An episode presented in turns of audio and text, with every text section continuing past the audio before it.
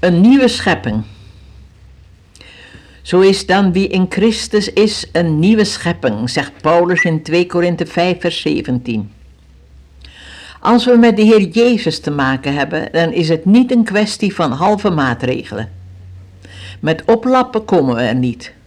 Maar dat hoeft ook niet.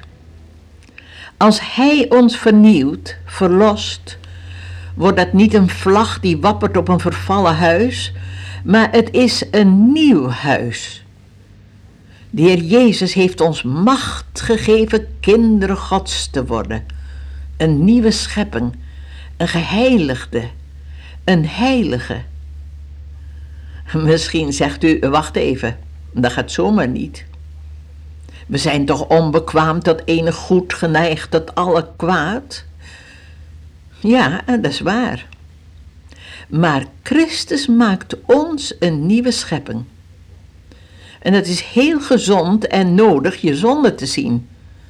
We moeten aan onze zonde ontdekt worden. Maar het is een truc van de duivel dat hij ons de gedachte heeft ingegeven dat het uh, eigenlijk wel bijzonder vroom is als we diep gebukt gaan onder onze zonde. Kijk, het zondebesef is een overgangsfase die je nodig hebt in je geestelijk leven. Maar de duivel probeert het te maken tot een centrum, tot een valkuil met steile wanden. Ja, onze zonden zijn vele, maar aan het kruis is alles volbracht wat nodig was om ons te verlossen.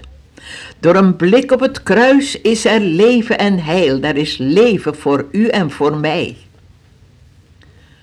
Als we naar de Heer Jezus kijken, vergeten we alles. De heerlijke aanblik van zijn wezen.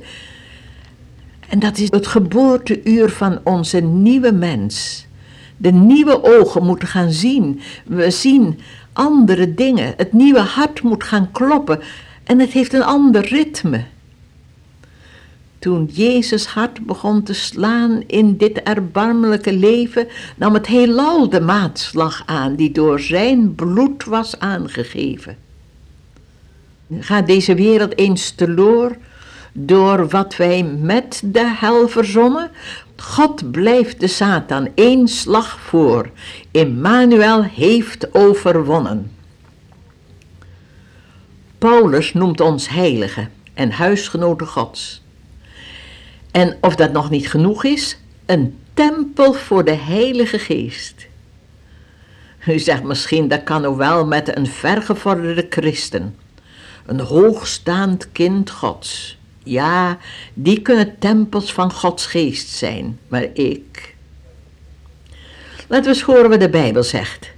In Jesaja 57 vers 15 staat, Zo zegt de hoge en verhevene, die in eeuwigheid troont en wiens naam de heilige is. In de hoge en in het heilige woon ik. En bij de verbrijzelde en nederige geest, om de geest der nederige en het hart der verbrijzelde te doen opleven. Johannes zegt, al wie beleidt dat Jezus de Zoon van God is, God blijft in hem en hij in God. In Johannes 4, vers 15. In de openbaringen 3, vers 20 lezen we dat dit alles uitgaat van de Heer Jezus zelf. Hij zegt, zie, ik sta aan de deur en ik klop. Hoort iemand mijn stem en open de deur, dan kom ik binnen. En ik ga woning in hem maken. En dan kunnen we er zeker van zijn dat hij grote schoonmaak gaat houden.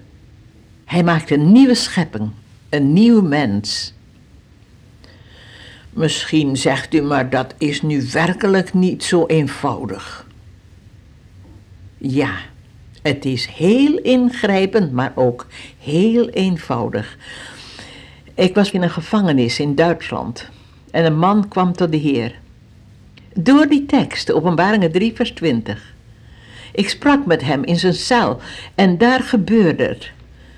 De dominee kwam even later binnen en ik zei: Vertel de dominee nou wat er gebeurd is.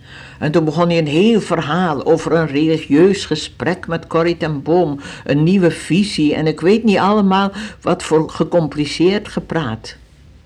Ik viel hem in de rede en zei: maar op, vertel nou eens even wat er gebeurd is. Iemand klopte, wie was dat? Hij zei meteen: Jezus. En iemand heeft opengedaan, wie was dat? Ik. Ineens zag hij hoe eenvoudig het was en hoe werkelijk. De volgende dag hoorde ik die man een klaar getuigenis geven in een samenkomst met allemaal ex-gevangenen. Zeg, u die luistert, hebt u het gehoord? Iemand klopt. Wie is die iemand? Jezus. Iemand moet open doen. Wie is die iemand? U. Doet u het? Dank u, Heer Jezus, dat u binnenkwam. En dat u een nieuwe schepping maakt. Dank u voor de grote schoonmaak, dat u bloed rein maakt van alle zonden. Dank u dat u nu echt gaat wonen in dat hart. En een nieuw mens gaat maken, een nieuwe schepping van die iemand die zei, Jezus klopte. En ik zei, ja. Halleluja. Wat een heiland. Amen.